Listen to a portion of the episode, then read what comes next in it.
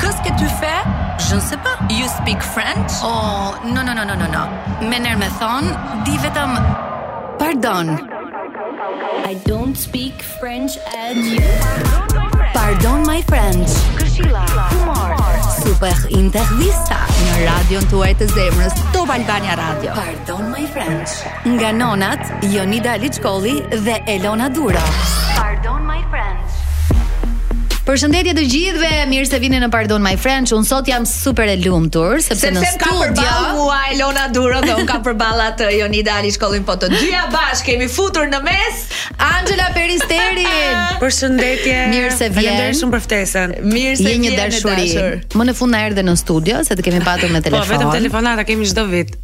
Shiko se uh, kur thirrëm Anxhelën edhe kur jemi minuta pak para prezantimit, më vin fjalë kështu këngëtarja, artistja, muzikantja, po në fakt, fakt dua të të prezantoj si një personalitet i muzikës në Shqipëri. Oh, faleminderit shumë. Jo, teksa lexoja dhe bion tënde, jam shumë dakord me Elona Duron në këtë pikë. Teksa lexoja bion tënde, moj fillimet, moj shkolla, pastaj akademia në Greqi, pastaj e pranishme në skenat më të rëndësishme muzikore si brenda dhe jashtë vendit.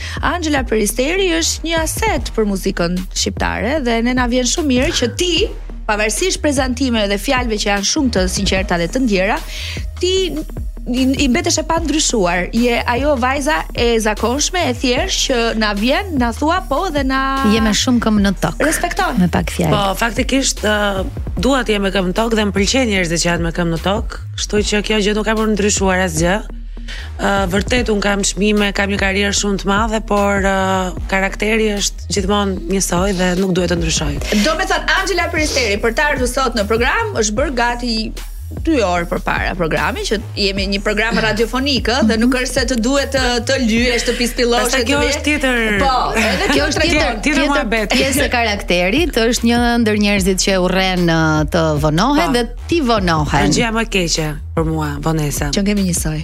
Si? E kemi njësoj. Unë nuk po flas fare se Elona më bërtet dhe kur vonohem 2 minuta. nuk jam kaq rëndë, jo. Anxhela. Për njerëzit korrekt edhe 2 minutëshi është shumë i vështirë. E di se ju vini gjithmonë përpara, kështu që keni 2 minuta na duket gjysmë ore, 2 minuta. Nuk keni çfarë bëni. Anxhela, ë uh, E tham që në fillim që ne jemi shumë të lumtura që ti je këtu, sigurisht që ti ke shumë për të folur sepse ke një karrierë shumë të gjatë me muzikë, por ajo që do të përqendrohemi së fundmi është Ky rikthimi i artistëve që unë e vlerësoj jashtë mase, duke qenë se jam pak edhe nostalgjike si natyrë. Po edhe mosha bën të vetën. Edhe kjo është plus edhe një program që do filloj shumë shpejt në radio, ë uh, riktheve ë uh, Vedat Ademin, ke rikthyer po ashtu Xhibanin. Kush është tjetër që do presim të rikthehet? Të rikthehet prej Anxhela Peristerit. Faktikisht ka qenë koincidenca të dyja, sepse Nuk është se mendova që një artist nuk është dhe duhet ta rikthej. Për mua artistët që më pëlqejnë vazhdojnë të mhm. jenë në treg gjithë jetën. Mm -hmm. Sepse kur një artist ka bërë hit dhe këngë të bukura nuk nuk venitet kurrë imazhi i tij, pavarësisht se tani tregu është bërë një kaos dhe duhet të bësh 17000 këngë që të jesh on top. Mm -hmm. Edhe bashkëpunime. Uh, ka artistë që kanë këngë shumë të bukura dhe për mua janë akoma në treg. Si Xhibani, si Vedat Ademi për mua janë dy artistë që unë i kam vlerësuar shumë në edhe në adoleshencën time mm -hmm. dhe tani, kështu që Mendoj që ishin adaptët për ato këngë që doja të bëja në atë moment të karrierës sime. Por arsyeja që të kemi ftuar sot është pikërisht bashkëpunimi i fundit me Vedat Ademin, kënga 1960, të cilën unë propozoj ta dëgjojmë tani, kemi publicitet dhe kthehemi sërish me Anxhela Peristerin. Ja tek jemi sërish bashkë Anxhela Peristeri, Vedat Ademi 1960, që është një vit që në përgjithësi kanë lindur nënat tona. Po, po, është shumë e vërtetë. Ç'ne kjo nostalgjia? Pse u kthyet në këtë vit? Sepse edhe klipi ka lidhje pikërisht me këtë, ëh, po. edhe fabula. Faktikisht ka qenë një ide e imja, edhe klipi edhe titulli i këngës. E ktheva në këtë vit sepse mendoj që dashuritë në ato vite kanë qenë pak më të vërteta. Ah sa të bukura. Dhe kjo këngë ishte një këngë e vërtetë dashurie, kështu që doja që të edhe njerëzit ta përjetonin tamam me emocion, duke shkuar në vitet 60 uh, përveç përjetimit të ndjenjave, mua më pëlqen shumë dhe look-u që kanë pasur atëherë njerëzit do doja shumë të kisha jetuar në vitet 60. Moda e viteve 60 me fustanet, me bel të ngushtë dhe pastaj pak të gjera, me ndonjë fjongo në në flokë. Edhe doja që të të jetoja një histori dashurie në vitet 60. si është pritur kënga? Domethënë komentet me sa kam parë, klikimet po ashtu janë shumë shumë mirë, po ti vetë si e ke ndjerë dashurinë? Pra a, a i arriti pritshmëritë e tua? Kjo është një këngë që unë e kam dashur shumë dhe kam qenë shumë e kujdesshme se me kë do e këndoja. ishte një periudhë shumë e gjatë përzgjedhjeve derisa shkuam te Vedati se faktikisht ne na mungojnë pak këto këngëtarët po themi tip festivalorë mm -hmm. dhe romantiko dhe romantik. festivalor. Jemi pak mbushur me komercialitet kohët e fundit. Kështu që menduam që Vedati ishte ai që i shkonte më shumë këngës dhe pritshmëritë për mua ishin këto që janë sepse unë e di kur një baladë është e bukur. Të paktën baladat i di kur do. Baladat i ke armën kur do të masin dhe kur jo. Para emrit të Vedatit kishte emra të tjerë që të refuzuan? Uh, faktikisht ka qenë Luizi në plan. Po, e ke thënë se do të pyesja se e ke thënë në në një lidhje telefonike që kemi patur në bashkë në po. radio, që e kishit një projekt së bashku. Po, ishte ky projekt mm -hmm. që për arsye të ndryshme të karrierës së Luizit nuk u realizua. Mhm. Mm Edhe kështu që u realizua më vonë me Vedatin. Vetëm një emër ka patur, s'ka patur emër. Jo, vetëm jo, vetëm Luizi, vetëm Luizi. Vedati e pranoi, është e mirëpriti si si bashkëpunim si këngë. Po patjetër. Unë mendoj që është një këngë shumë e bukur, kështu që të gjithë do ta mirëprisni. A është kjo e vetmja këngë që njerëzit nuk të pyesin ty a ia ke kushtuar të dashurit tënd të zemrës? Është shumë back in time, është një 1960-ën. Po tani. Se për çdo këngë që Anxhela publikon kujt ia dedikuar, po kush është po si? Ka gjithmonë një po, histori nga pas. Tani jo gjithmonë dedikojmë këngët të dashurit tonë ose bashkëshortit, Teksti i kësaj kënge është i Eljos Shulit, kështu që duhet pyetur ai për dedikimin. Sa retro është ai djalë, është shumë retro ai djalë. Ë uh, Anxhela, je më e lumtur që e realizove me Vedatin apo kishe të tjera, le të themi, komercialitet, nëse do të ishte të tjera pritshmëri komerciale, nëse do të ishte me Luizin. Mendimi për Luizin nuk ishte asnjëherë për komercialitet, sepse Luizi është një këngëtar festivale e ka vërtetuar mm -hmm. këtë. Dhe zëri i Luizit në këtë këngë faktikisht do rrinte shumë mirë dhe ne prandaj e menduam. Mm -hmm. Për asnjë arsye komerciale. Mm -hmm. uh, nga momenti që nuk u realizua, pastaj vendosëm një plan B që ishte Vedati. Më pëlqen shumë në fakt ky duet që ju keni bërë dhe arsyeja pse unë të pyeta nëse do rikthesh të tjerë apo të tjera këngë, ishte pikërisht sepse uh, kam dëgjuar vërdall që ke në planet e tua shumë shpejt që të bësh një tjetër bashkëpunim. Kush ta ka thënë? Një zog. E kemi një emër të përbashkët të treja. Do të zbulojmë gjë sot? Faktikisht është një bashkëpunim që do vi pak vonë, do vi nga marsi, kështu që mm -hmm. sot do ta zbuloja që në 10 dhjetor. Mezi presim ne me thënë të drejtën. Po ti një ekskluzive do e lësh. Megjithatë jo, e di pse se nuk janë firmosur akoma kontratat. Ah, okay. Mm. Domethënë mbasi të marr firmën, pastaj mund të flas. Lirshëm. Kur e merr okay. firmën? Në janar. Sot po i bën gati ai avokati. ah, pse kshu funksionon një bashkëpunim, duhet po, firma. Po, tashmë duhet të uh, mendoj që të gjithë duhet të bashkëpunojnë me kontrata sepse nesër pasnesër po, si ishte Mandi me Silvën. Të drejta të ndryshme që Gunba, Gunbardhin, që nuk e ndanë dot shapin nga sheqeri për këngën po, Kallashi. Po, është më mirë që të bësh një kontratë paraprake sepse mm -hmm. Në Shqipëri ndodh për shembull që kur kënga nuk ka shumë klikime, nuk del njeri të kërkojë të drejta po nëse ndodh që të marri kalojë pri kalojë pritshmëritë. Për shembull Habibi kaloi pritshmëritë. Ka kaluar në fakt. Shqyr që ne kishim një kontratë. Mhm. Që Mandi e firmosi me vetëdije të plotë. Po. Okej, më në fund. Kë Cilën prej bashkëpunimeve do të veçoje si si më të suksesshmin, ato që ta kërkojnë gjithmonë publiku në koncertet e tua, që nuk je penduar fare, që nuk e bëre me atë artist, por me këtë artist. Në përgjithësi kë publiku më shumë më këndon këngë të mia, më kërkon këngë të mia si Ishe mbret që nuk e di pse e kërkojnë edhe mbas Zemra, 20 e ca vitesh. Po e këndon gjithë dynjaja Ishe mbret nëpër koncerte. Mos ta këndosh ti e zonja e punës, sikur. Por um, nga më të suksesshmet sigurisht ka qenë Habibi, mm -hmm, pa diskutim. Pa. Ka qenë kënga Habibi ishte bashkëpunimi me, me Capital T dhe Mandi. Mm -hmm. Ka qenë kënga S'ka si ne me Aurelin, Blerinën dhe Erikun, edhe ajo ka qenë shumë e suksesshme. Se di tani edhe Bye Bye me Markus Marshado ka qenë shumë e suksesshme. Mm. Por, uh, ok, një nga këngët që më kërkojnë vërtet njerëzit nëpër koncerte është dueti me Sinan Vllasaliun, ata. Mm, dhe ajo është shumë e bukur. Është një këngë shumë shumë e ndjerë. Ëh, uh, ti ke miqësi shumë në showbiz, edhe je nga ato vajza që nuk para e prish shumë terezinë, domethënë me kolegët, nuk je nga këto që ju mbetet hatri pse s'të votuan, apo megjithatë me disa prej tyre ke afrimitet pak më të madh, siç është rasti për shembull me Ardit Çunin që bëni dhe herë pas here jo video, jo uh, takime këto të kënduarit live, keni menduar ndonjëherë që të vini në një duet tamam? Jo vetëm uh, Instagramor. Po, me thënë të drejtën është menduar, është menduar, është diskutuar disa herë, po Arditi ka qenë shumë i vogël dhe unë dukesha si mami. Po. Kështu që tani që është burruar disi e mund ta mendojmë. E mendon ti, e mendon ti që dukeshe si mami, se mua më ka marrë shumë malli të dëgjoj tani Ishe mbret nga Anxhela Peristeri, por të rikthyer ca pas në kohë, 20 vite më 20, më shumë. 20 fiks 2004 nga dalë. 2004.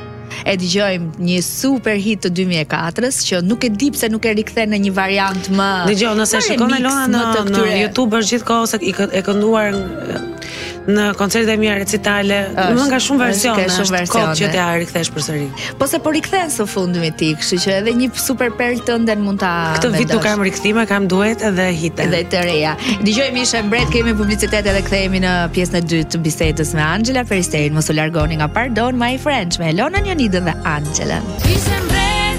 Kjo kënga nuk e di Anxhela, po në çdo moment të jetës që mund të jetë njeriu i sjell ndjesi të pashpjegueshme. Pra, dhe kur je mirë e martuar e sistemuar dhe me fëmijë, edhe kur je e ndarë, është po e njëjta ndjesi. Uh, ti vetë e ke sa herë e këndon?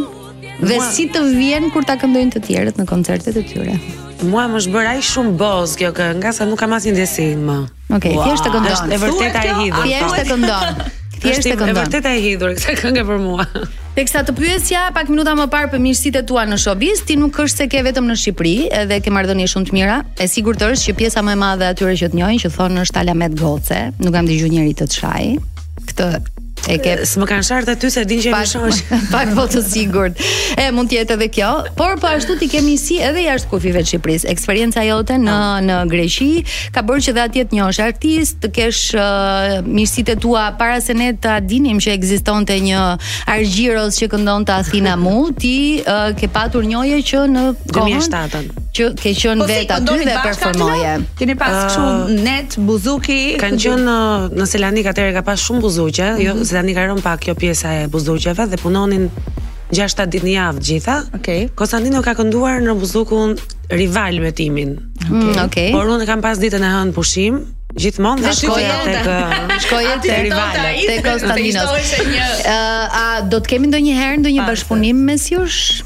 Uh, për momentin nuk e besoj, mm -hmm. nuk është bërë një diskutim i tillë. A është tani i paarritshëm ai i paprekshëm? Po. Po. po. Pra ka bërë një karrierë është tani ai nuk të kthen përgjigje. Jo, jo, kthen përgjigje. Kthen përgjigje. Është dhe ai është me shumë këmbë në tokë, është artist i mirëfilltë. Mhm. Mm por që ka arritur në një majë shumë të lartë në në Greqi për momentin, kështu që nuk besoj që duhet t'i them dhe unë të bëjmë duet bashkë. Po. Megjithatë, kompozitori i këngës Athina Mu, mm -hmm. Ëh, uh, Duhet ta them këtë, ta zbuloj këtë. Duhet ta thuash. Na zbulo Angela. Ka, ka shkruar një këngë shumë të bukur që unë e kam regjistruar dhe që do dalë në fund të janarit. Oh, sa mirë. Je uh, solo apo solo. në bashkëpunim? Baladë. Okej. Okay, super. Po tani a është kjo një urë për shkuar te Konstantino dhe për të mm? Unë s'kam nevojë për ura për të shkuar atje. Okej. Okay. Por uh, Dëgjo. Ai udhëhiqet nga menaxher, kam përshtypjen edhe pa, po, ndoshta vendosin ata pjesën e bashkëpunimit. Është pak më ndryshe jashtë shtetit se si mm -hmm. sa në Shqipëri që ne i marrim më shumë vendimet vetë. Mm -hmm. Aty ka një menaxhment të tërë dhe një skuadër të tërë që rri mbrapa teje. Përveç kësaj, unë gjithmonë e kam dashur uh, tregun grek. Ë, uh, megjithatë, E bëra këtë këngën, e bëra se më kishte mhm. ngelur fiksim të bëja një këngë po. shumë të bukur greke. Si do jetë ajo? Dhe kam pasur oferta për të fillë rifilluar atje pa e nxjerrë akoma në treg. Mhm. Megjithatë nuk e di, jam akoma në dyshim a mund t'i bëj dot të dyja këto gjëra dhe Shqipërinë dhe Greqinë. Nuk i mban dot. Se edhe jeni duke i peshuar. Unë mendova që e ke mbyllur kapitullin me Greqinë dhe tani je e jona. Jam duke i peshuar ende. Okej. Okay. Sepse jam në një moment që më janë hapur disa dyer andej. Mm -hmm. Po nuk e di nëse dua të hyj apo mos të hyj tani. Pse jo? Ja? Se jam shumë e zënë me karrierën në Shqipëri, domethënë ku di a do kem kohë t'i bëj të dyja bashkë. Një ditë në javë vër kushte. Po, them unë. Mirë, është pak të do, do shohim. po, ndërkohë të kërkojnë andej Angela për koncerte po, për jo, net. Jo, për... më, jo më parë se 4 ditë përpara un kisha një ofertë për të kënduar në Athinë me Stamatis Gonidis. Mm -hmm. Gonidis nuk, nuk e njoh, po Stamatis nuk e njoh. Është një ofertë, okay. Mm -hmm. Por që refuzova sepse isha shumë e zënë në Shqipëri. Ah, di, pse? shumë se kam mbyll data shumë mirë. Sepse do vijnë, sepse do vijnë dhe grekët këtu, mm -hmm. siç ka ndodhur me Argjirosin që Angela performoi bashkë me të në Korçë. Mua faktikisht më bëhet qejfi që këngëtarët grekë kanë filluar vijnë të këndojnë mm -hmm. në mhm. Tiranë dhe në Shqipëri. Më bëhet shumë qejfi sepse kur punoja andej të them të drejtën nuk e kisha menduar ndonjëherë që do vinte kjo ditë. Më bëhet shumë qejfi sepse edhe ata kanë ardhur, kanë parë që edhe niveli i artit në Shqipëri dhe niveli jonë është shumë shumë lart. Edhe dashamirësia ndaj muzikës greke ka ndryshuar, mendoj. Jo, ne kemi qenë dashamirës. Ata nuk kanë qenë shumë dashamirës ndaj nesh. Kam përshtypjen që me zona të caktuara. Nuk e njihnin fare madje tani janë updateuar. Tani sigurisht që po. Besoj që e dinë mjaft qartë. Ë uh, jeta personale si po shkon?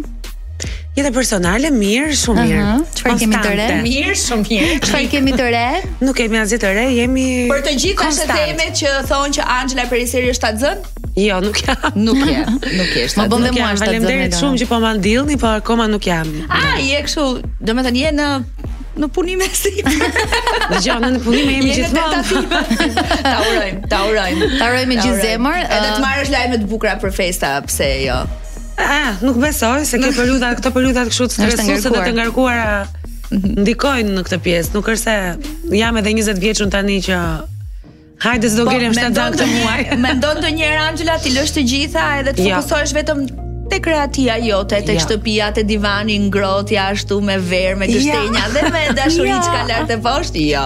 Nuk është boring. Nuk dorëzohet, nuk dorëzohet ja. Jo. Anxhela. Kthehemi sërish bashk, vazhdojmë të jemi me Anxhela Peristerin, Elonën dhe Jonidën në transmetim. E lamë llafin tek 2023-shi. Uh, si ka qenë për ty ky vit? Domethënë nga të gjitha anët, jo vetëm nga pjesa e karrierës. Okej, okay, ka qenë një vit goxha i mirë, një vit shumë i ngarkuar nga pjesa e punës.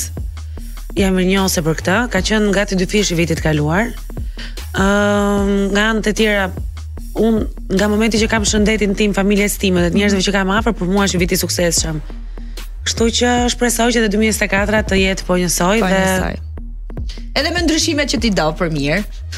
Ato e di vetëm Zoti. Unë nuk jam njeri që them, "O duhet ta bëj këtë ose s'ka." E kupton. Anxhela, jemi pak ditë përpara fillimit të festivalit në RTSH, edhe shumë zëra po dëgjojmë lart e poshtë. Si një artiste me shumë përvojë në këtë skenë, si një artiste që ka përfaqësuar Shqipërinë në Eurovision, Cili është mendimi yt për këngëtaret të cilat e kanë lënë në mes këtë garë duke menduar që emri i fituesit është shpallur pa filluar ende? Ky është një fenomen që ndodh rëndom çdo vit në pa. Po. festivalin e televizionit. Madje ka ndodhur edhe në vitin që ke qenë ti, që diskutohej edhe në vitin tim, o, në vitin tim s'vije dot te prova, se më shihnin kështu. A pse dhe në vitin tënd është po, folur që fiton Anxhela? Dhe ti fitove. Po un fitova sepse meritoja, por e di si është problemi i këngëtarëve shqiptarë. Tani nuk dua të të zë emra se edhe Samanta dhe kush është tjetër Kejsi dhe do të kenë pasur arsyet e tyre që janë tërhequr. Dëgjova një intervistë të Sardit faktikisht mm -hmm. që kishte thënë, kishte përmendur dhe emrin tim brenda. Mm. Por ok, se portalet ndonjëherë i nxjerrin me kontekste të tjera intervistat. Ëh, uh, çfarë kishte thënë Sardi? Po që, që dihej emri që emri im ishte diskutuar që në maj. Unë okay. ndërkohë në maj nuk e dija aspak që do merrja pjesë në festival. Okej. Okay. Domethënë e kam vendos nga vera. Mos ndoshta po ndodh mm -hmm. kështu me emrin që përmendet si fitues? Dëgjo si ndodh në këto raste, kur një këngëtare që është fituese e disa çmimeve merr pjesë në një kompeticion, detyrimisht të gjithë artistët e lidhin që kjo ka ardhur për të fituar. Kuptoj. Mm -hmm. Kjo nuk është gjithmonë e vërtetë. Por në qoftë se ti e vendos fituesin që përpara se të marrësh pjesë, ok. Më fal, nuk erdhi vjet Elsa Lila dhe fitoi Albina? Po. Ishte një fituese e pa po. parashikuar Albina. Ëh. Mhm. Një fituese për të shkuar në Eurovision po flas. Po, po, po. Tani në qoftë se Elsa Lila vjen me një këngë shumë të bukur, pse mos ta fitojë? Sepse është Elsa Lila dhe është e predispozuar mos ta fitojë.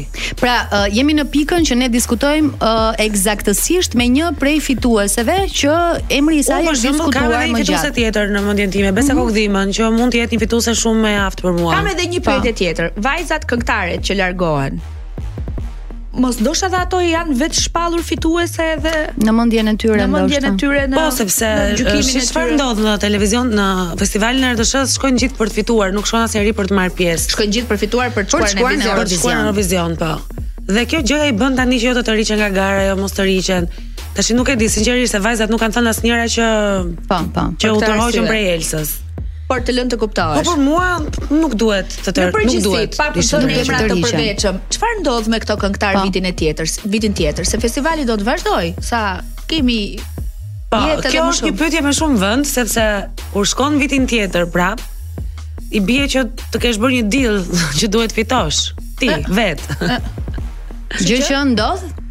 Po, nuk besoj. Uh, domethënë e lidha me faktin që ne po flasim pikërisht me një fituese. Çfarë ndodhi me ty? Sepse u diskutua lart e poshtë, por si futesh, si merr pjesë, kush i zgjedh, uh, çfarë ndodh? Edhe Këngën Magjike kam fituar shumë rastisht. Mm -hmm. Domethënë kam qenë 11 pikë kokë më kokë me Elhaida Danin. Po. Edhe në festival i thashë Kledit thjesht unë dua të shkoj të marr po. pjesë, që të shkoj në festival. Kam një vetëbesim shumë të madh si artiste, domethënë kur e di që kam një material shumë të mirë dhe një gjë shumë të mirë, un shkoj si fituese. Kam këtë vetëbesim. Mm -hmm. Uh, pata goxha polemika, goxha luftë brenda rrethit të këngëtarëve, Uh, edhe momente të cilat nuk jam ndier mirë sepse sigurisht edhe unë jam një njeri dhe ka momente që ndihem keq, mm -hmm. sepse nuk ja kam askujt me të keq, ndërkohë që shoh një luftë rreth për atë që tash përpara ndoshta pa. Po. nuk më kanë sharë se ishte që ai më. Ose kanë pyetur njerëzit e duhur. Po, nëpër kompeticione ndodh që ti ke gjithmonë luftë rreth e përqark mm -hmm. vetes, sidomos kur je i aftë. Unë e fitova festivalin sepse sinqerisht atë vit e meritoja, besoj dhe kjo pa. Po. u duk edhe në skenën e Eurovizionit. Mm -hmm. Nuk kam bërë asnjë deal dhe nuk kam dhënë asnjë kokërr leku për të fituar asnjë çmim në jetën time. Kështu që jam shumë e qartë me ndërgjegjen dhe koshiencën time. Tani për gjithë tjerët që mund të mendojnë që un kam shkuar për të fituar dhe e fitova, mm -hmm. kjo do të thotë që un e kam merituar fitoren përderisa ata kanë pas frikë që un të fitoj. Kjo është pak, por e sigurt. Një artist në sytë tanë fiton edhe gjatë gjithë vitit, nuk pret vetëm skenën po. e, e fundvitit për të shpalosur talentin edhe për të nisur rrugtimin për Eurovision. Ti je nga këngëtaret që fiton gjatë gjithë vitit, publikon një këngë, kthehet në hit, hidhet në YouTube dhe ka shumë klikime. Apo sa shumë ne gazetarët të kërkojmë për intervista e më the të thashë. Pra, nuk presim skenën e festivalit të fundvitit për të parë vlerat, talentet, trofeun edhe rrugtimin në, në Eurovision. Duhet punosh konstant edhe gjithmonë të jesh prezent. Apo. Okej, okay, po jam shumë dakord për këtë, por në kompeticione për shembull zakonisht vlerësohet kënga më e mirë. ose kënga dhe këngëtari më i mirë në atë moment që ti je, domethënë pa pa pas parasysh çfarë ke bërë gjatë vitit, po. Çfarë ke bërë gjatë viteve. Unë mendoj që kështu duhet të jetë. Nëse meriton një një artist i ri, le të shkojë ai. Anxhela Peristeri do hyjë në Big Brother? Jo. Ja. uh, unë doja dhe të prekja pak meqë dolëm tek pjesa e festivalit. Ë uh, doja të dija me që Ronela ishte e fundit që tha një deklaratë që nuk ka patur mbështetje nga Radio Televizioni Shqiptar. A ka qenë dhe për ty e njëjta gjë apo ka qenë totalisht ndryshe? Jo, un kam pas uh, goxha mbështetje, sidomos nga drejtori i atëhershëm Zoti Martin Leka që e falenderoj nga zemra për çdo mm -hmm. gjë. Edhe nga Klarti që ka qenë head of delegation në atë periudhë. Ok, uh, buxhetet tona nuk mund të jenë si buxhetet e Spanjës ose okay. të Hollandës ose ku di un. Mhm. Mm Megjithatë, artisti që do i gjen mënyrat për të për të përfaqësuar për të veten, do më shumë tru se sa mbështetje mendoj. Mm -hmm. Okej, okay, viti i Ronelës ka qenë më i vështirë. Po. Italia ka pas një organizim shumë më të keq se Rotterdami që kam qenë unë. Ëm, mm -hmm. uh, një staf i Ronelës ka qenë komplet tjetër nga stafi im, kështu mm -hmm. që mhm. është një eksperiencë tjetër që të po. cilën nuk mund ta Pra nuk është e njëjta. Nuk mund ta kritikoj as ta Po nuk është e njëjta eksperiencë, secili ka të vetën. Do të thotë secili nga ju që keni përfaqësuar Shqipërinë keni uh, eksperiencën personale. Eksperiencën personale, okay. Ne jemi në fund. Ne jemi në fund të intervistës. Faleminderit shumë që pranove dhe që ishe me ne. Nuk e di a lam diçka tjetër pa thënë. Ëh, uh, na la një që do vi një super bashkëpunim, po thjesht duhet të presim. Ëh, uh, të presim pra kemi një këngë greke që del në janar, një pa. Po. super hit që do dalë në mars. Ajo është uh, kënga që dal në mars për mua është nga të preferuarat. Mos më thuaj që e ke me Mandin e Nishtullës dhe ti. Jo. Jo. Unë e mora një herë Mandin te Habibi. E, e, e kisha Mandin. Se pas pak vjen Bes Kallaku për të folur për për ah, ah Sarile. Dëgjohemi në pjesën e dytë. Ja ku jemi në pjesën e dytë të programit dhe siç ju premtuam, kemi atë The One and Only.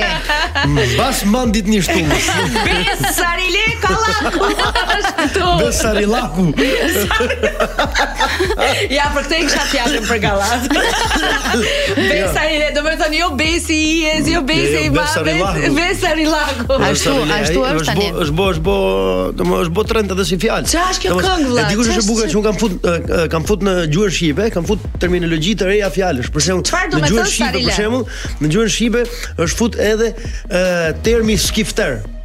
Po. po. Skifter. Po. Do flasim edhe për atë. Që e e është fut si term, po dhe dhe domethënë në fjalorin e gjuhës shqipe tani e gjen skifter. Zog, po edhe. Po, po, skifter s'ka lidhje me zog. Për vetë. Por edhe, për shembull, në në policinë shqiptare, mhm. në është është një njësi që quhet njësia anti-skifter.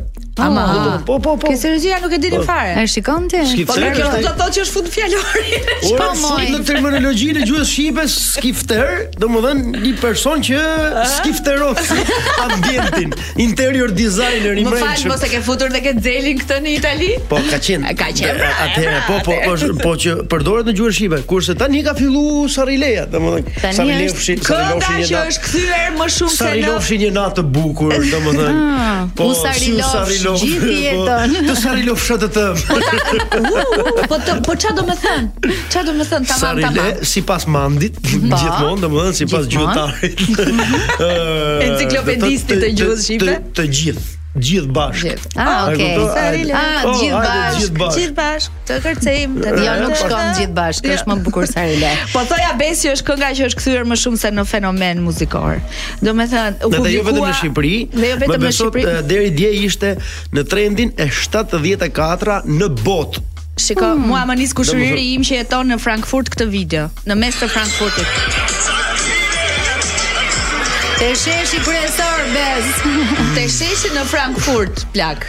Po sa sa sa video më nisin mua kështu në për shesh të botës. Edhe po si na plas ku ma kishin nis një vid, ma kishin nis një video, ë virale.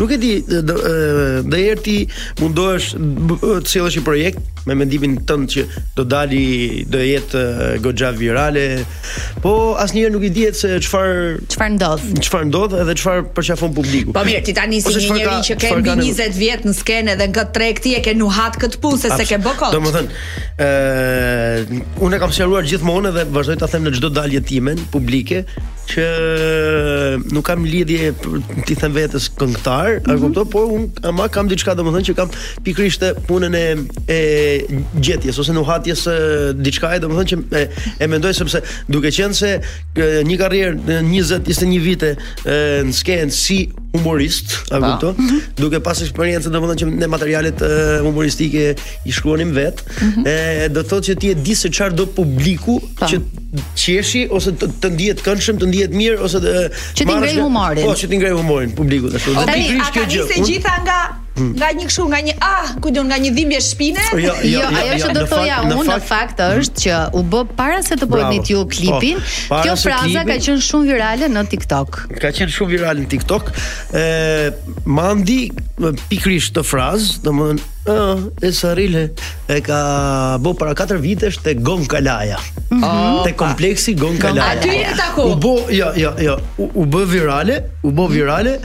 Edhe un pasaj pikërisht kjo gjetja Tash vendosët të bëni një bashkëpunim dhe i dham këngës identitet. I dhat një videoklip. I, i hoqët zhurmat e një ja, po, koncerti po, live. Ne, po tani u bë tani u bë gjithëpërfshirëse, gjithë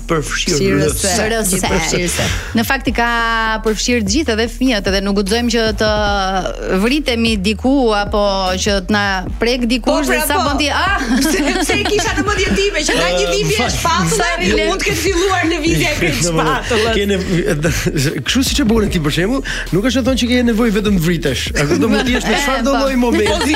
Dhe ke frikë t'ia bësh, ah, ta fut ti tri tjetra e Saril. O pes, po për ata njerëz që thonë, "Po aman mo ngeli Besi duke bën nga këto këngët."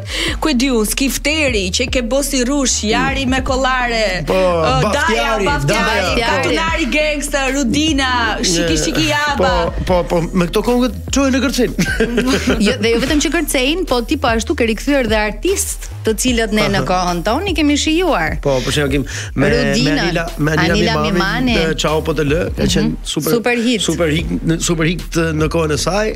Edhe ishte goxha i suksesshëm edhe kur kur e bëmë remake. si i thua, mm -hmm. Tani, ti po kalon një periudhë shumë të mirë të karrierës tënde, edhe pse kjo prezenca jote në televizion është shkëputur, edhe ke zgjedhur të tërhiqesh pak. Domethënë, e largojmë pak Sarilen për momentin, po, po, po, po. edhe të flasim për këtë pjesë. Pse ke zgjedhur të tërhiqesh? A, a është ky një moment që po i dedikohesh totalisht ah, familjes? Uh, tani me ardhjen e Amenit, uh, normalisht uh, familja ka nevojë për si është çuni?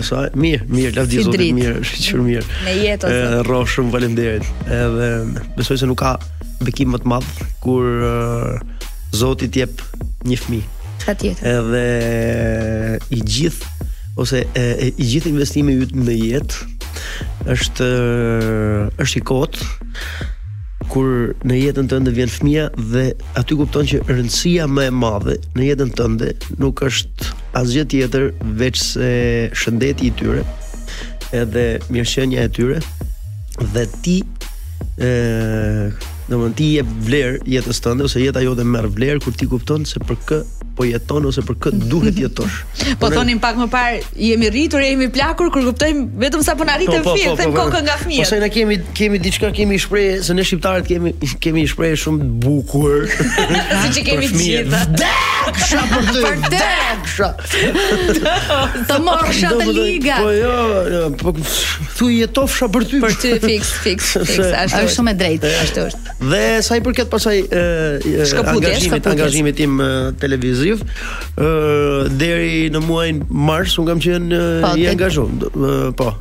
Tek zemër Luana. Tek zemër Luana. Dhe pastaj tani nuk mora angazhim artistik ose televiziv mm -hmm. për faktin se jam investu pak në biznes dhe jam marr pak me me biznesin, mm -hmm. me bizneset e mia dhe tani kismet Zotit në sezoni i ri. Okej. Okay. Kam një projekt, po që nuk mund të flas gjë pa qenë pa e konkretizuar. Pa, pa u konkretizuar. Ë, uh, me që lidhem me pjesën e projekteve, çfarë mendon për uh, spektaklet e humorit? Domethënë si i sheh ti me syrin tënd, në çfarë pike janë tani? Un kam përshtypjen që nuk janë në pikën e tyre më më, më të mirë, më të mirë. Mm -hmm. Për shembull, ë uh, Zelig në Itali, Giancarlo Bozzo, autori i Zelig është një nga miqtë e mi, kam kam kam qenë kam kam marr pjesë në Zeligov në Itali për 3 muaj gjys. Mm -hmm. Edhe A uh Zelig uh, se, se spektaklet kryesore të humorit janë marrë uh, në Shqipëri, janë marrë nga nga nga nga Italia, domethënë për shembull mm -hmm. Portokallia është një simotër e Zelig. Po, Edhe ato bën një stop prej 5 vitesh, 5-6 vitesh. Mm -hmm. Sepse të të rikuperon. Konsumi i javëpërjavshëm në ose dalja në skenë e javëpërjavshme, për javshme është Është një konsum i jashtëzakonshëm që duhet shkruash, duhet të jesh, duhet të jesh aktual mbi të gjitha. Ëh. Pa nuk ka ky vendi jon shumë gjëra aktuale që po ndodhin për ditë po dhe ti ke mundësi. Prandaj, prandaj, prandaj ka zgjat aq gjatë ose ka mhm. zgjat, ka po. zgjat aq gjatë sepse këtu ka vrull. Ka vrull edhe këtu ndodhin çudira. Ka meme, ka çudira të përditshme kurse pret, por kam përshtypjen që nuk janë në momentin e tyre më të mirë. Sidomos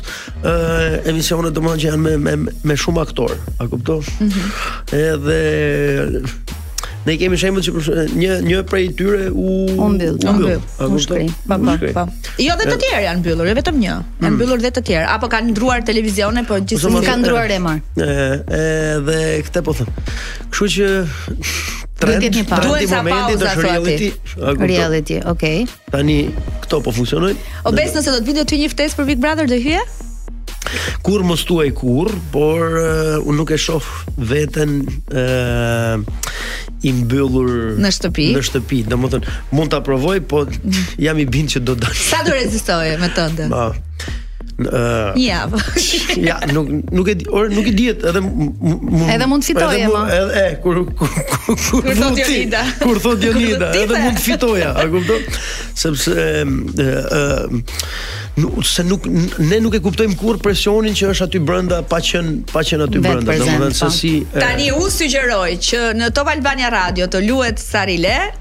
Mm -hmm. Edhe ta dëgjojmë edhe ta ngremë zërin maksimum dhe ju që po na dëgjoni nga makina dhe po ktheheni nga puna, mos bëni tani sa riloni zërin në maksimum. Mos bëni tani sikur nuk doni se tha Besi, dun s'dun gjithë e kërcejnë, kështu që edhe ne do bëjmë një video virale nga studio e Top Albania Radio dhe të shohim sa miliona klikime do mbledhim sa rile. Oh, po na i lek. Atë e di ti. Ja tek jemi sërish bashkë, jemi me Besin, me Besin që të gjithë e njohim si aktor i humorit që ka sjell aq shumë risi për kohën duke çuar fenomenet e përditshme shqiptare në skenë atë të realitetit që shpesh injorohet dhe që folëm pak më parë. A mund të themi Bes që shumë prej situatave që ti dikur i vije në skenë, në skenën e Portokallisë, mm -hmm. kryesorja, po, ajo po. që të njohëm edhe të deshëm fort gjithë dhe më pas në të tjera. Guri i parë në gjithë karrierën time është Portokallia. A duket sikur e ka lukë këto skena tani në këngë? Ëh, në një rast i tillë ka qenë pikërisht kënga mbylli bagën Baftiari, mm -hmm. domethënë që e mora personazhin nga Portokallia. Ta gëzojë Baftiari. Po, Baftiar gëzuar të keqen vllai. Edhe e e solla pasaj e e solla në personazh këngë po sa i mbylli bagën, se ylli është ylli është i jashtëzakonshëm, ylli është i papamë në gjithë kolegët, domethënë me yllin kam më shumë histori. Bes, kur i thonë një fjale e ke nis nga zero. Edhe ky po, guri, po, guri i po. parë ka qenë Portokallia gjithë vitet me radhë. Domethënë guri i parë nuk do të them portokalli, po ka qenë Top Channel sepse un kam qen në pole position me Kozeta me Kozeta Bakiun ka qen programi i të rinjve me Kozeta Bakiun me Zysh Kozetën dhe madje ajo ka qenë e para e cila spikati talentin spikati tim. talentin tim dhe ajo i ka thën Gonit, por e kam një djalë të talentuar aty, të vi të bëj një audicion te Portokallia. Edhe kështu pastaj vazhdoi. Ka qenë java e tretë e Portokallis dhe un e, kam bërë audicion javën e katërt të Portokallis dhe nga ajo javë e pas pasaj nuk e, nuk u shkëputëm më. Nuk u shkëputëm. Ke arritur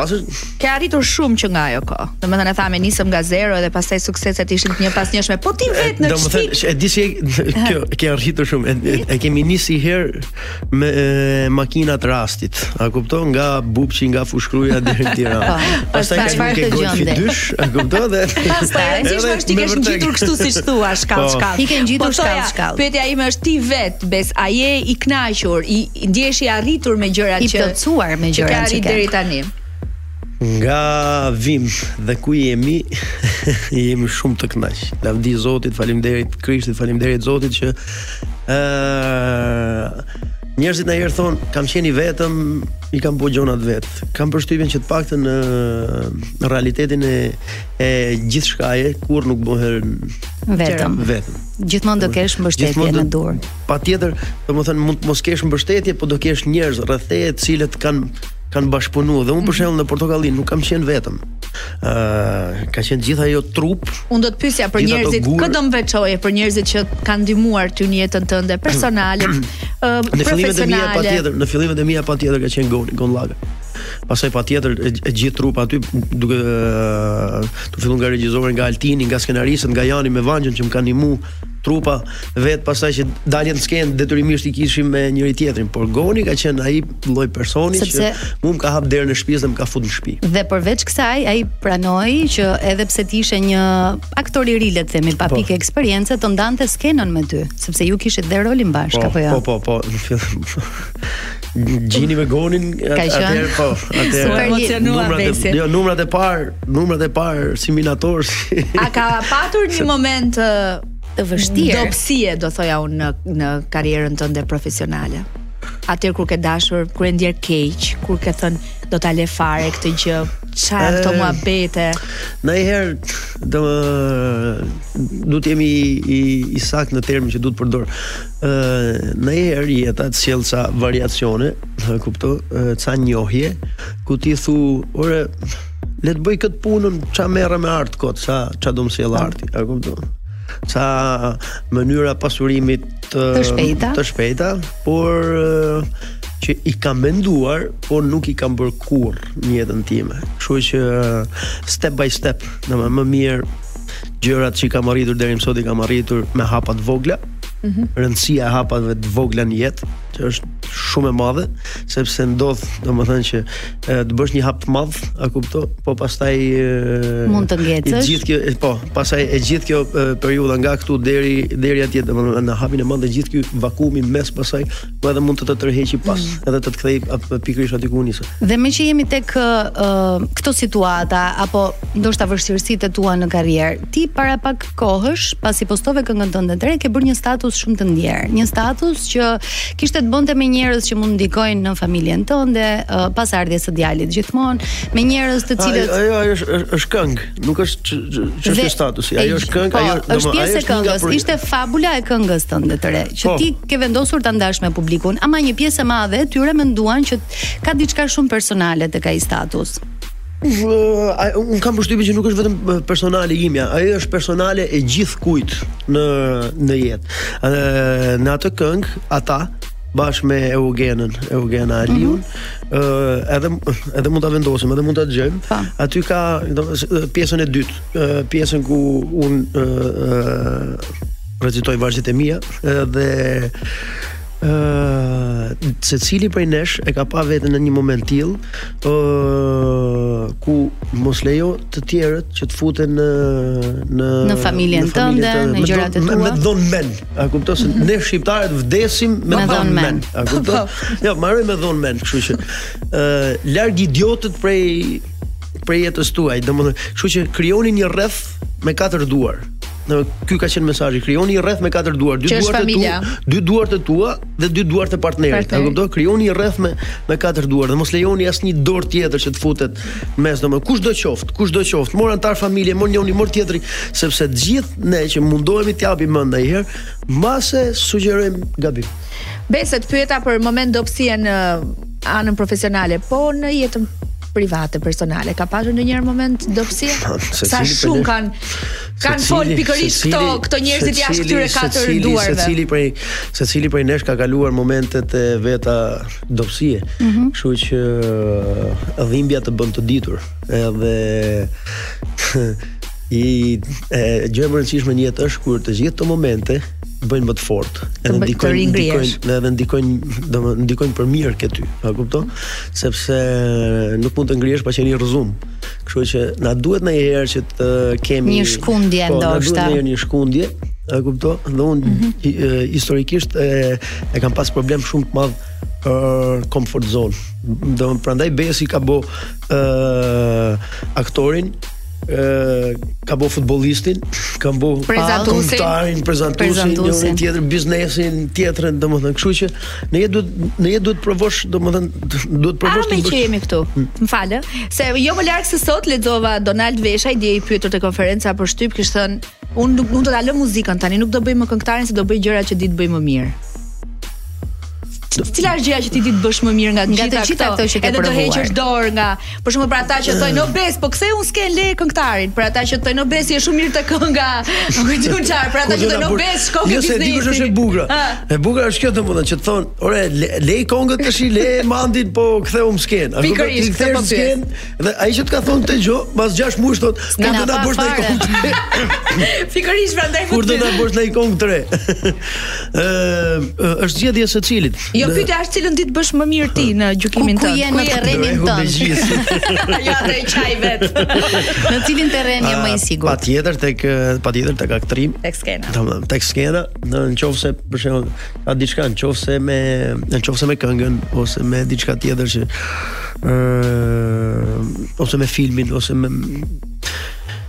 njeriu ose ose artisti mundet domethënë të cedoj, a kupton, në zhanre të tjera, mm -hmm. kurse pikërisht në zhanrin e domethënë dalja ime në skenë Lavdi Zotit deri më sot nuk ka qenë ndonjë që të dështoj. A kupto? Ajo është gjëja që di të bëj më mirë. Le të themi asnjëherë. Gjëja që di të bëj, gjëja që di të bëj më mirë është aktrimi dhe humori. A shkoj pak në sepse më fal vetëm një gjë. Ëh, gjatë gjatë kësaj kohe ose gjatë gjatë kësaj periudhe kemi humbur shumë figura që jemi rrit me me imazhin e tyre dhe me humorin e tyre dhe me humorin e tyre. Zef Deda. Po, Mirush Kabashi. Zef Mirushi, më përpara Fadil Hasa, pastaj ë shumë nga figura, po shumë emra dhe dhe kam përshtypjen që Nuk ma merr mendja që Zoti mund t'i jap dhurat më të bukur dikujt se sa të bëj të tjerët për të qesh. Domethënë kam përshtypjen që edhe domethënë edhe parajsa, edhe engjëjt, prandaj unë në çdo postim timin për çdo figurë të tillë shkruaj qesh me engjëjt tani. Sepse gjithmonë, gjithmonë njeriu që ka dhuratën më të bukur nga Zoti është bëj tjerët qesh. Dhe në fakt dhe ikja e tyre përtej faktit se artista të mëdhenj edhe njerëz ikën shuhet një yll i japim lamtumirën. E është na lën gjithmonë një po, buzëqeshje në fytyrën tonë. Bravo, atë doja të thoja, atë doja të thoja edhe pse iki, edhe pse iki të është e dhimbshme. Është e dhimbshme ikja e tyre, gjithmonë prap qeshim. Lën diçka, lën energji të mirë. Po, po, po. Lën një karrierë shumë të mirë. Lën buzëqeshje, lën buzëqeshje domethënë edhe me ikjen e tyre. Shkojmë pak në publicitet sa të mbledhim veten se dhe na emocionojmë veten. Të emocionon Besi nga afër. Publicitet kthehemi pas pak. Ja kur i kthehemi sërish me Besin, mblodhëm një çik veten sepse uh, Bes, njerëzit nuk e dinë, por mm -hmm. uh, aktorët e humorit thuhet që janë shumë të mirë edhe në në drama. Por ndodh që aktorët e humorit kur kanë drama ndoshta në jetën e tyre personale. drama në krevat. Pardon, my friend. Po, Krijoj një pauzë. Po katunave të vet dorë fjarri e jam vetë. Po. E mbajta po, veten. Njerëzit mendojnë se aktorët e humorit nuk kanë halle. Do me thënë, janë thjesht aty vetëm për të qeshur. Po, tipike e kësaj, do a, ke më rahat. Tralala. E ke rahat. Ti si i ke kaluar, po flisnim pak më parë edhe për periudhat e tua të vështira, qoftë në karrierë, qoftë nga ana personale, mhm, familjare, apo mhm, mhm. ku di un. Si i kalon, pra, mundohesh të diskutosh, të flasësh, apo edhe aty është prap humori që, që ndikon? Po, do më thënë, kalojnë ë uh, secili kalon uh, ato uh, si thua uh, peripecitë e veta në mënyrën e tij, mm -hmm. si është mësuar. Domethënë, për shembull familje e vetmja gjë që uh, ose uh, jo e vetmja gjë, por gjëja më e bukur që kam dëgjuar, mm -hmm. kam thënë familje uh, është kjo që mos lejoni që sherri i sotëm të stopojë komunikimin e nesërm. Mm. Pra çelësi është komunikimi. Pra ta përkthejmë, ti zihesh me Xhensilën, se zihen çiftet po, patjetër, ashtu, nuk ndodh që të mos pajtoheni brenda ditës. Jo, domethënë si sado inat të kesh me njëri tjetrin, prap komunikimin e nesërm, prap domethënë dhe un kam un kam një një ligj timin njerëzor, jetësor që mirëkomunikimi është gjithçka në çdo vend. Çelësi një marrëdhënie. Çelësi jo vetëm marrëdhënie, domethënë po marrëdhënie shoqërore, marrëdhënie në çdo, edhe në punë. Marrëdhënie në çift, marrëdhënie në punë, marr... është mirëkomunikimi. Domethënë të mhm. dish të flasësh është arti më i jashtëzakonshëm që njeriu ose që njeriu mund të ketë në në zotësi. Domethënë nuk je nga ato tipa që s'kam nerva sot me fol. Ik tani më lër kështu.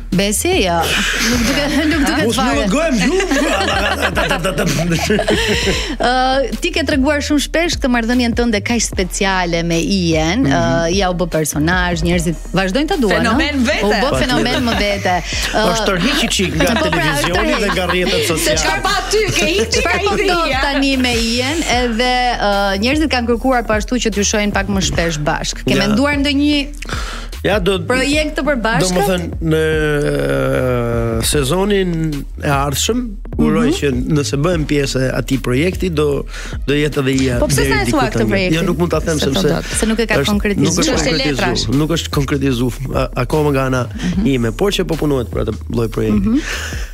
Atëherë, të gjithë të rinjtë sot po harrojnë prindrit. Dhe aq më tepër gjyshrit. Gjyshrit. Mm. Për shembull, për neve që na kanë rrit. Lum ju që i keni gjallë se mua mm. më janë larguar. Për shembull, edhe kur flitet për këtë temë po, prekem shumë. Ja, domethënë për ne, domethënë për neve që na kanë rrit, kanë vlerë shumë të madhe gjyshrit, pak më për brezin ton, po edhe mm -hmm. vetëm për brezin ton. Unë shoh përkushtimin që ka mamaja ime, karshi fëmijëve të mi, edhe të motrës, gjithashtu edhe mamaja e Xhensilës. Dhe lum ata që vërtet i kanë gjallë. Po Gjyshrit, gjithashtu edhe prindrit, po kryesisht gjyshrit janë ata të cilët kënaqen me aq pak. Domethënë ata kënaqen, ata kënaqen me një përqafim, ata kënaqen me një telefonat në ditë. Me një mesazh. Me një mesazh në ditë, me një telefonat në ditë dhe kjo pak për ata është shumë. Sepse sot sot në këtë realitet që jetojmë, të gjithë shqiptarët e kanë pas manin ose e kanë manin që të ndërtojnë në Shqipëri shpia me kate shumë, ku për fat keq dhe me dhoma shumë, ku për fat keq janë bosh me vetëm dy pleq. Mm -hmm. Është shumë e vërtet kjo. Është shumë e vërtet. Kështu që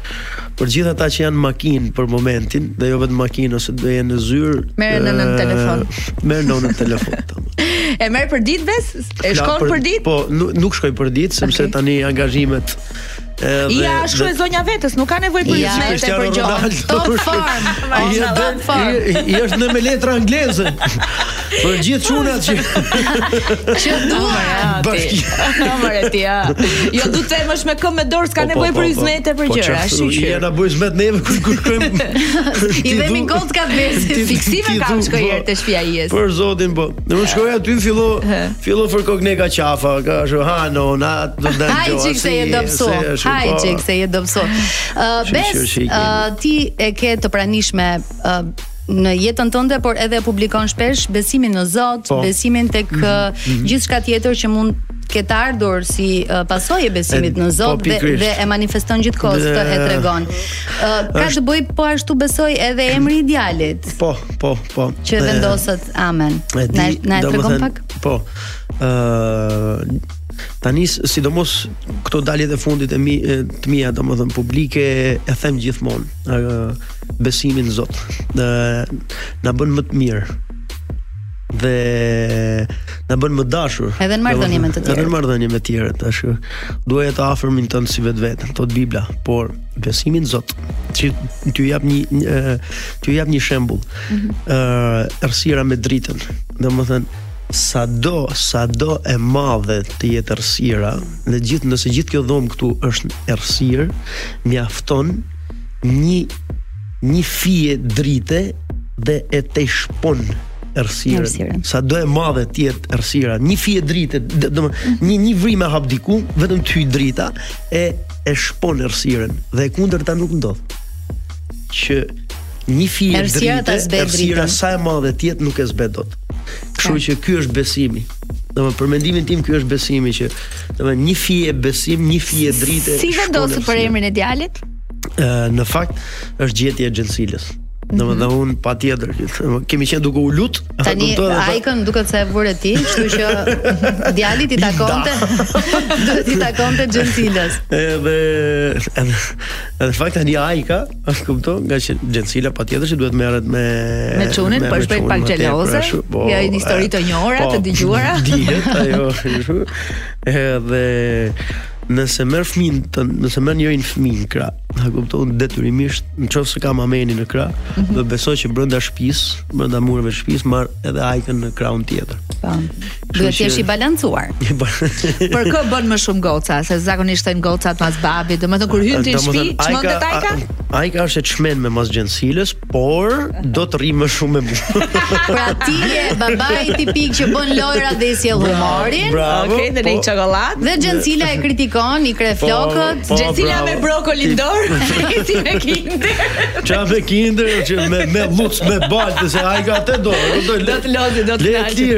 Po. Mirë, ne çka heqim ne gjatë verës, unë e marr e çoj ke lopët, ke delet, ke po. Sa mirë. Të betohem, sidomos gjatë pandemisë, ishte sherri. Je goca era, bajgë. Ku e ke futur? Se bravo. Jemi sërish bashkë, jemi në transmetim, Pardon My French me Bes Kallakun që duhet thënë, së fundmi intervistat nuk i ka shumë të shpeshta, edhe ne na vjen shumë mirë që na the po dhe që erdhe gjete kohën si një baba hallall me dy fëmijë. Po tani baba për vërtetë, jo? Tani po. Kur bëhesh me dy, se me një hajt. Si një biznesmen, si një djalë që teksa është këtu në radio gjatë publicitetit po mbyll shkurtin se janarin e ka mbyllur me data dhe dhjetorin. Flak si ja dhe mbylli dhe shkurtin. Si ja bën të gjitha kjo. Kështu ka qenë më përpara apo sa Leja të të çmendi? Jo, ka qenë, ka qenë.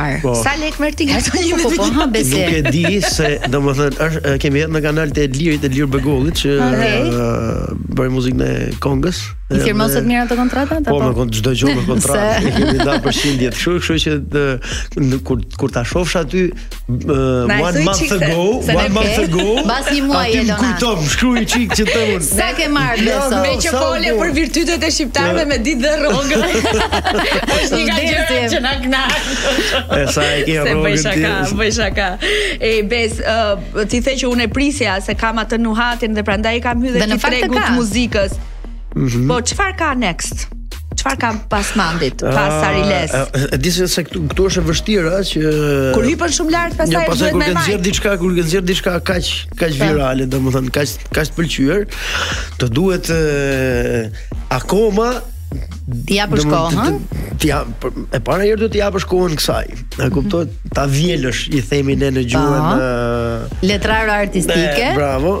Dhe pastaj duhet duhet investohesh aq shumë që të kesh diçka, s'po them po kaq të bukur se mm -hmm. nuk nuk e arrin, po të pak në po, tjetër. Ti afrohet. Pak a shumë ti afrohet. O Besi, po sikur kjo kënga të ishte në festivalin e fundvitit dhe shkonte në Eurovision apo do bënte namin.